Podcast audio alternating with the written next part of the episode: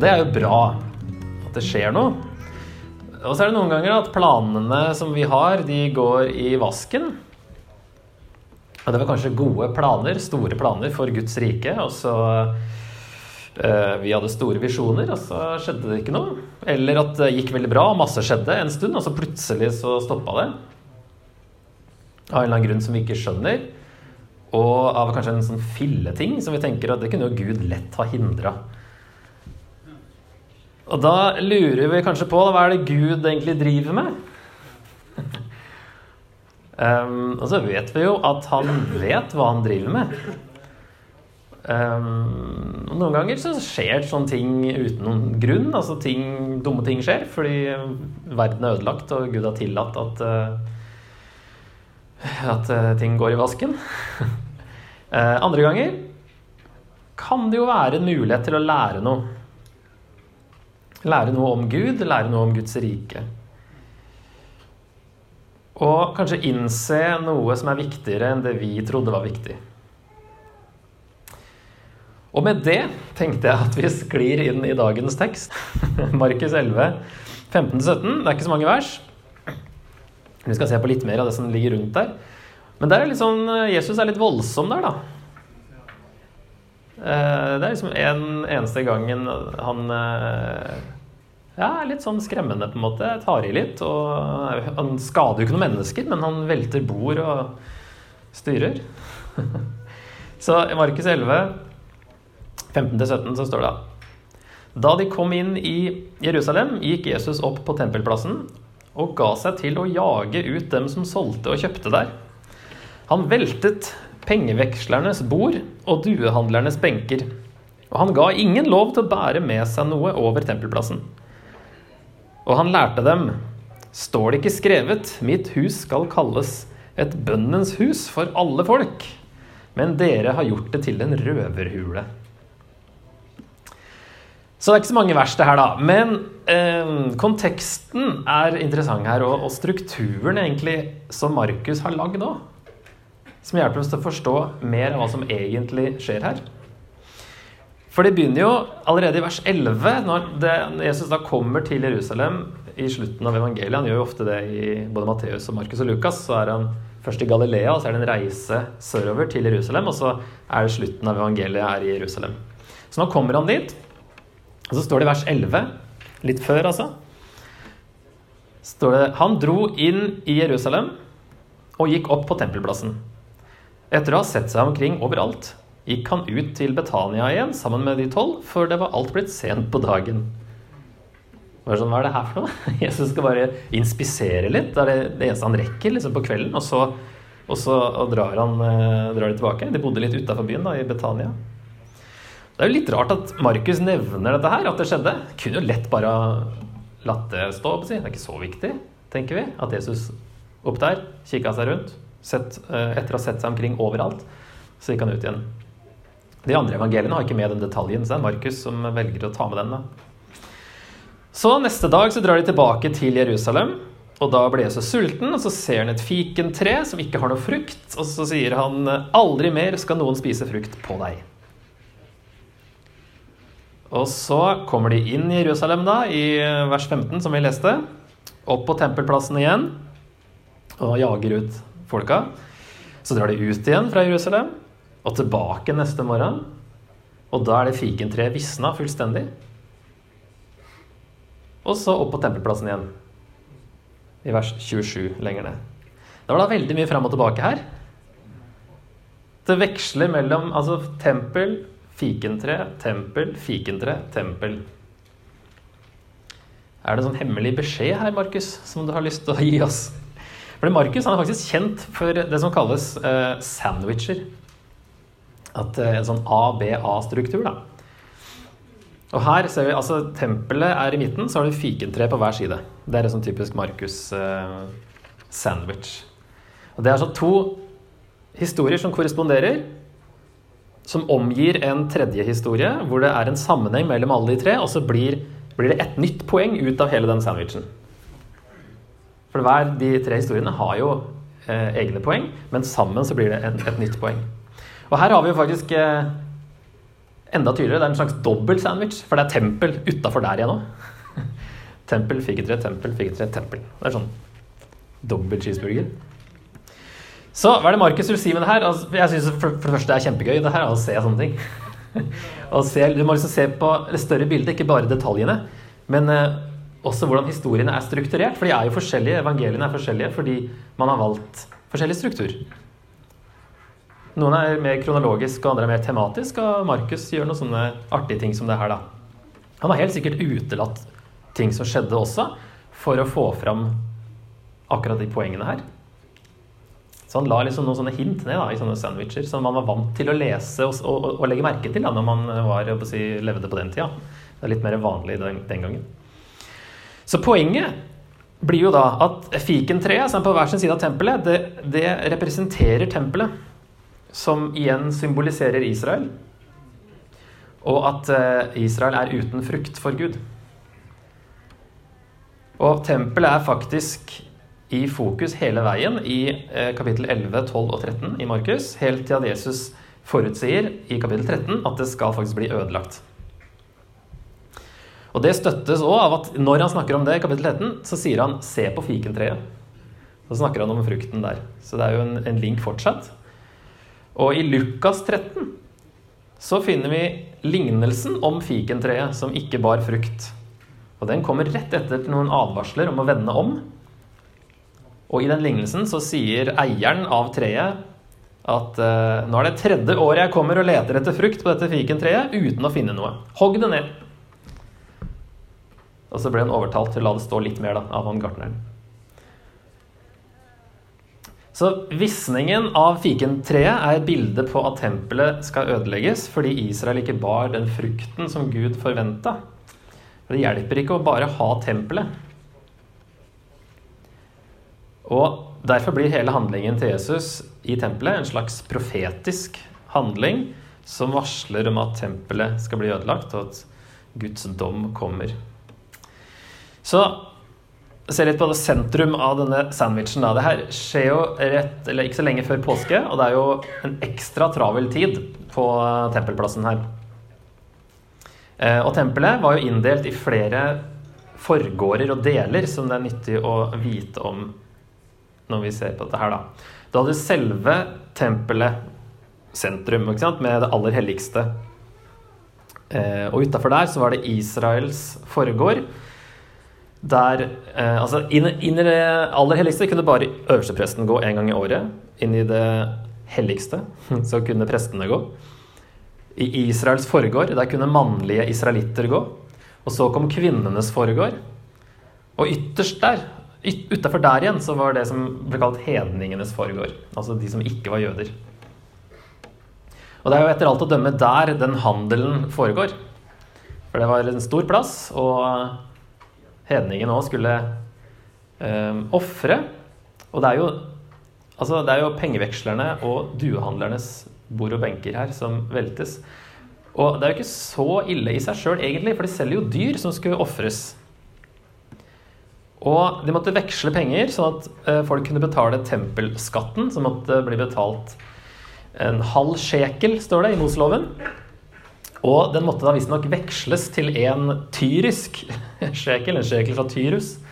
Fordi det var den eh, eneste tilgjengelige sjekelen, og var nå kanskje nærmest i verdi og hadde ikke et bilde av en eller annen eh, keiser eller et eller annet på seg.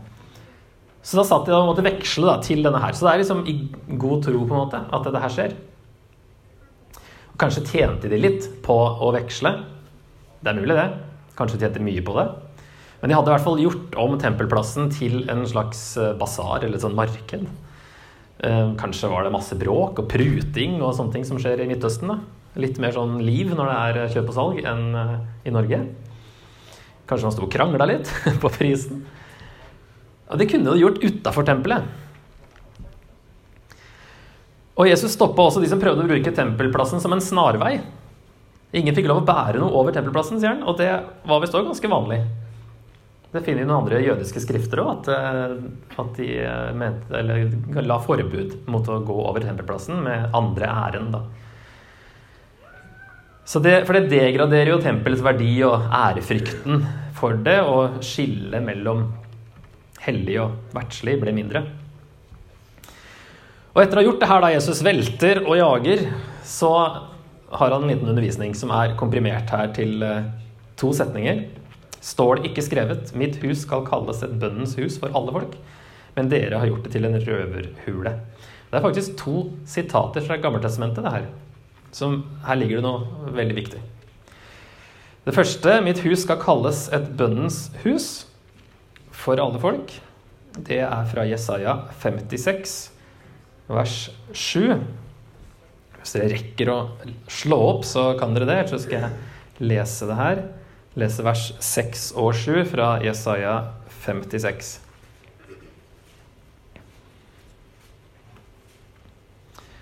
Der står det Og de fremmede Et annet ord for hedninger. De som ikke er fra Israel. da. Og de fremmede som har sluttet seg til Herren, som vil gjøre tjeneste for ham og elske Herrens navn og være hans tjenere. Alle som holder sabbaten og ikke vanhelliger den, men holder fast med min pakt. Dem fører jeg til mitt hellige fjell og lar dem glede seg i mitt bønnehus. Brennoffer og slaktoffer fra dem gir velvilje på mitt alter. For mitt hus skal kalles et bønnens hus for alle folk. Salomo hadde også, da han bygde jo det første tempelet, som Jesaja snakker om her. Eh, og da han hadde en sånn lang åpningsbønn da tempelet akkurat hadde blitt ferdigbygd, første kongebok åtte, så ber han om akkurat det her, at det skal være et sted der alle folkeslag kunne komme og tilbe Gud. Og Da sier han i første kongebok 8, 41 til 43 Det kan også hende at fremmede, som ikke hører til ditt folk Israel, kommer fra et land langt borte for ditt navns skyld. For de skal få høre om ditt store navn, din sterke hånd og din utstrakte arm. Når de så kommer og ber, vent mot dette huset, da må du høre dem i himmelen der du troner, og gjøre alt det de roper til deg om.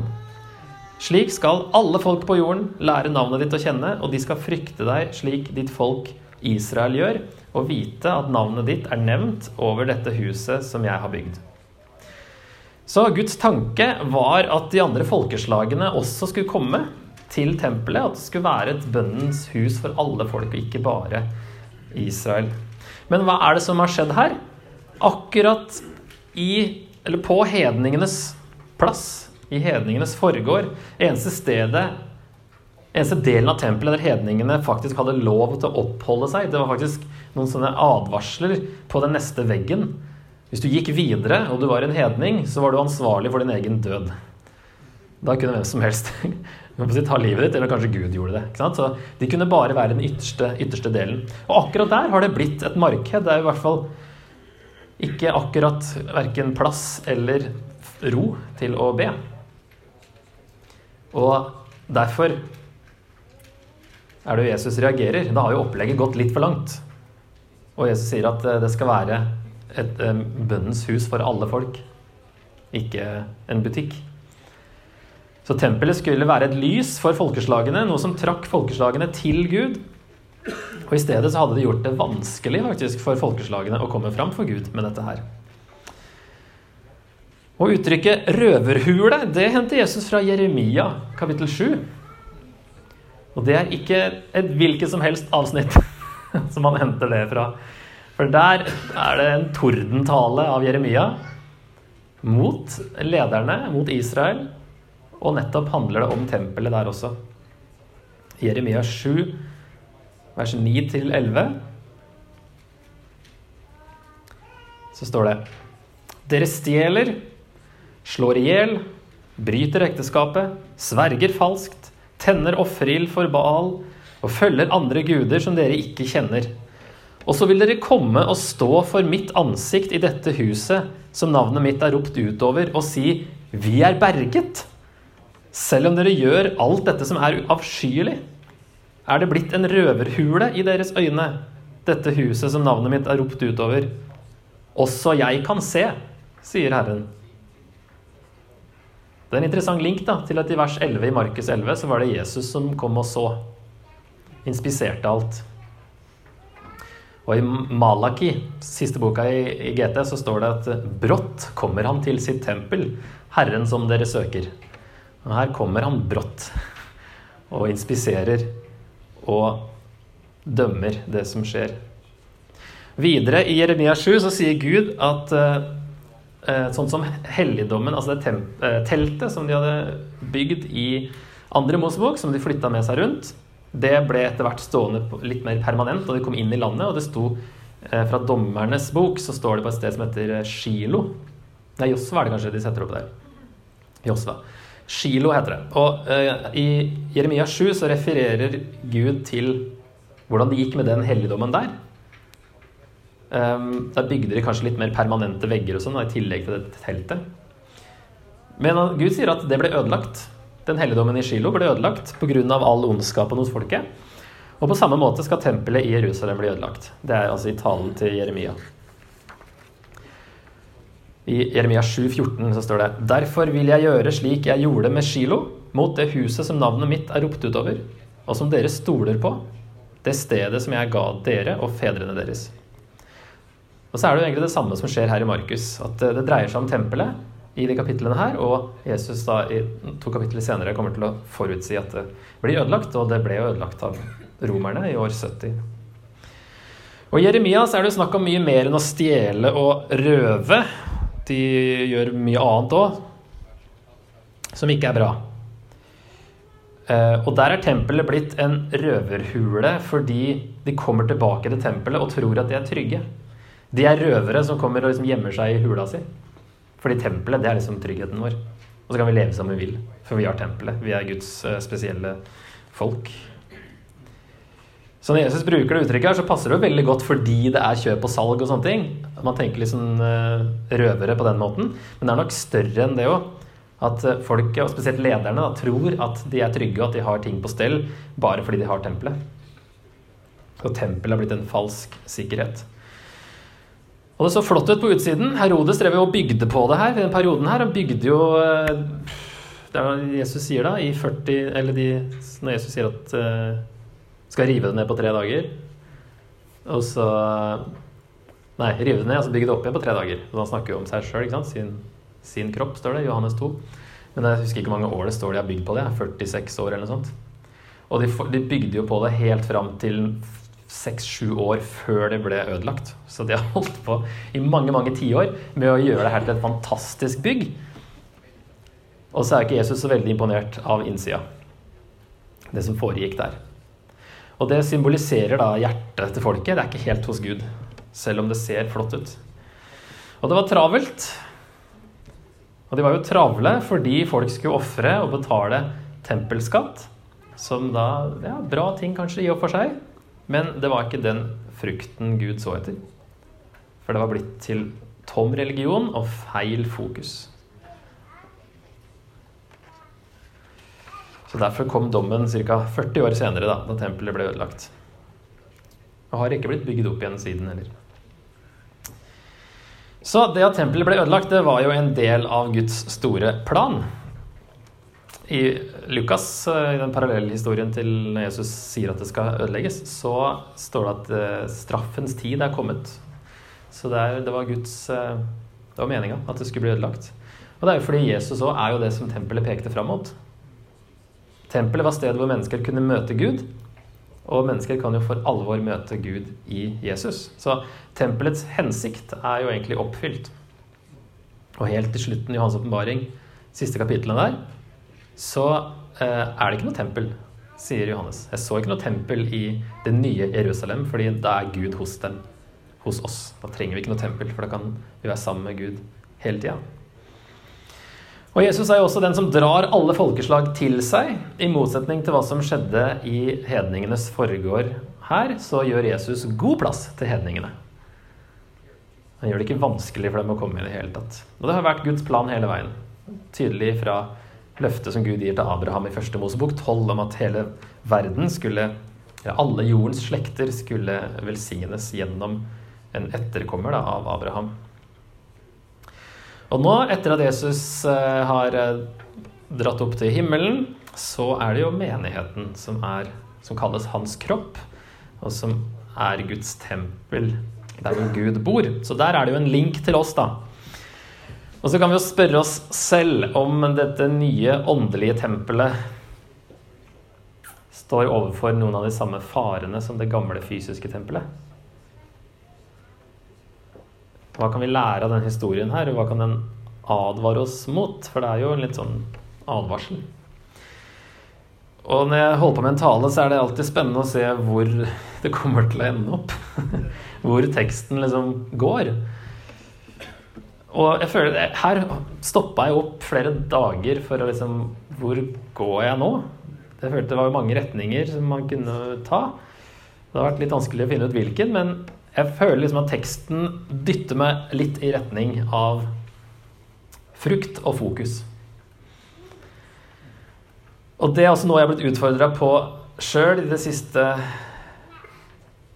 siste året, faktisk. Ja. Så da snakker jeg jo selvfølgelig til oss alle. Um, det skjedde masse der på tempelplassen, og de var virkelig travle med det som iallfall så ut som Guds ting på utsiden. Men så var det feil fokus, og det var ikke frukt, selv om det så ut som det. Og da kom jeg fram til noen spørsmål som jeg syns er interessante, og som jeg tror er viktig å stille seg uansett. Føles det som om vi har frukt når vi er travelt opptatt med kristne ting? Kan det være at vi gjør den feilen noen ganger å tro at kristen travelhet og frukt er det samme? Og hvis vi er flinke til det vi gjør, så er det jo enda lettere å miste fokus på Jesus. At vi glemmer hvem det egentlig dreier seg om. At vi er såpass flinke at vi klarer det meste sjøl uten å blande Jesus så mye inn i menighetsarbeidet.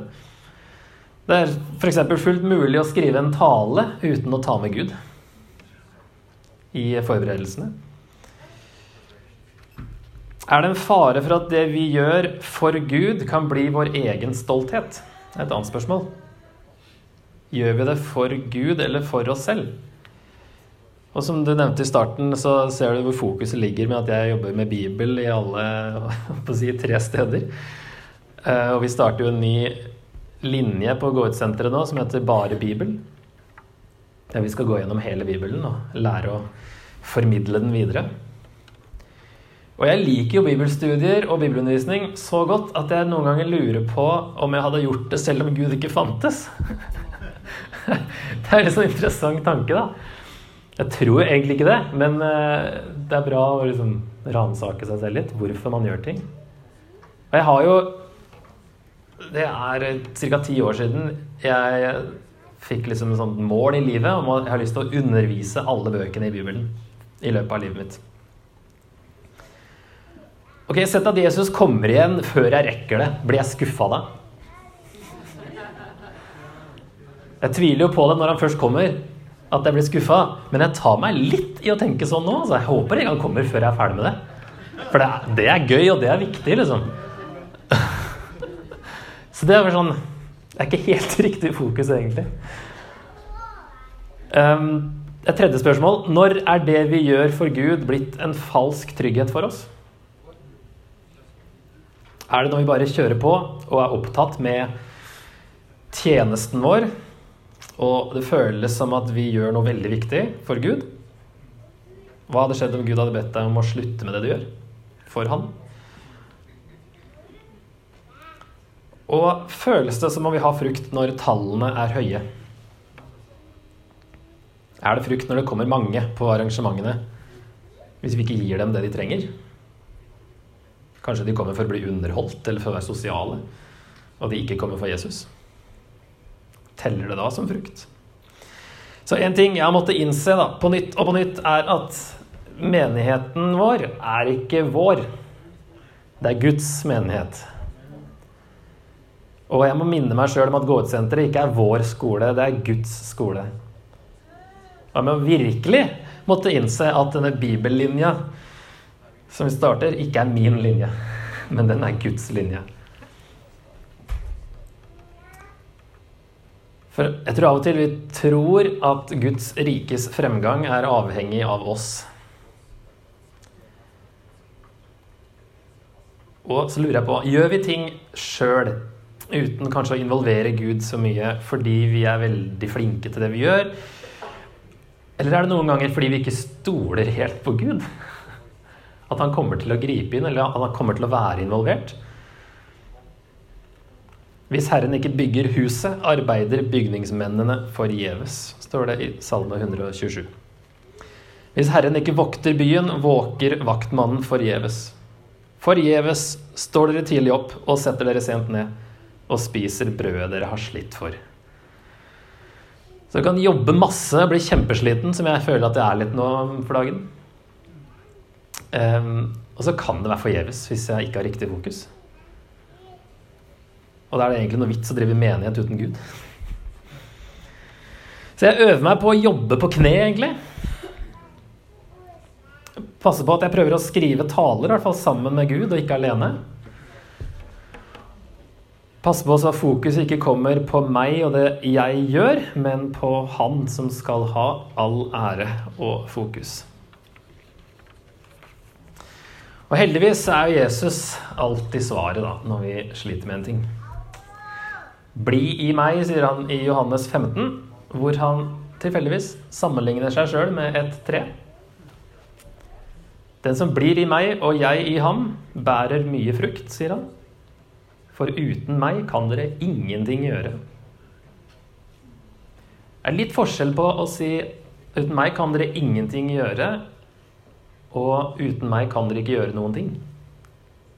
Vi kan gjøre masse ting, men det er ingenting uten Jesus hvis ikke vi blir i han. Det er Jesus som er treet. Han er hele treet. Han er ikke bare stammen og vi er greinene, men Jesus er hele treet, sier han. Så det er han som bærer frukten. Det er jo egentlig hans frukt, og ikke vår. Men det er han som får frukten fram. Derfor bærer vi bare frukt når vi er i ham. Så vi skal ikke fokusere på frukten for mye, da. Vi må fokusere på Jesus. Og ikke fokusere, ikke fokusere på det vi gjør, men på han. Og hvis man ikke føler seg så travel, kanskje Kanskje noen av dere tenker at det her gjelder ikke meg. For jeg er ikke så veldig travel sånn i menighet. Det er sikkert mange. Så kan man likevel òg havne litt i grøfta på å være god, som, god til å være kristen generelt. Og at uh, man da finner stolthet og falsk trygghet i det. For egentlig er det bare Jesus som kan bære den frukten Gud ønsker. Og derfor kan vi bare bære frukt når vi blir i Han. Jesus er alltid svaret. Så vi må jobbe på kne, søke Han, være sammen med Han, opphøye Han med livene våre. La alt vi gjør i menigheten, dreie seg om Han, og gjøre det vi gjør for Han, sammen med Han. Jesus er alt, har gjort alt og gjør alt. Og han ber oss bare om å bli i ham.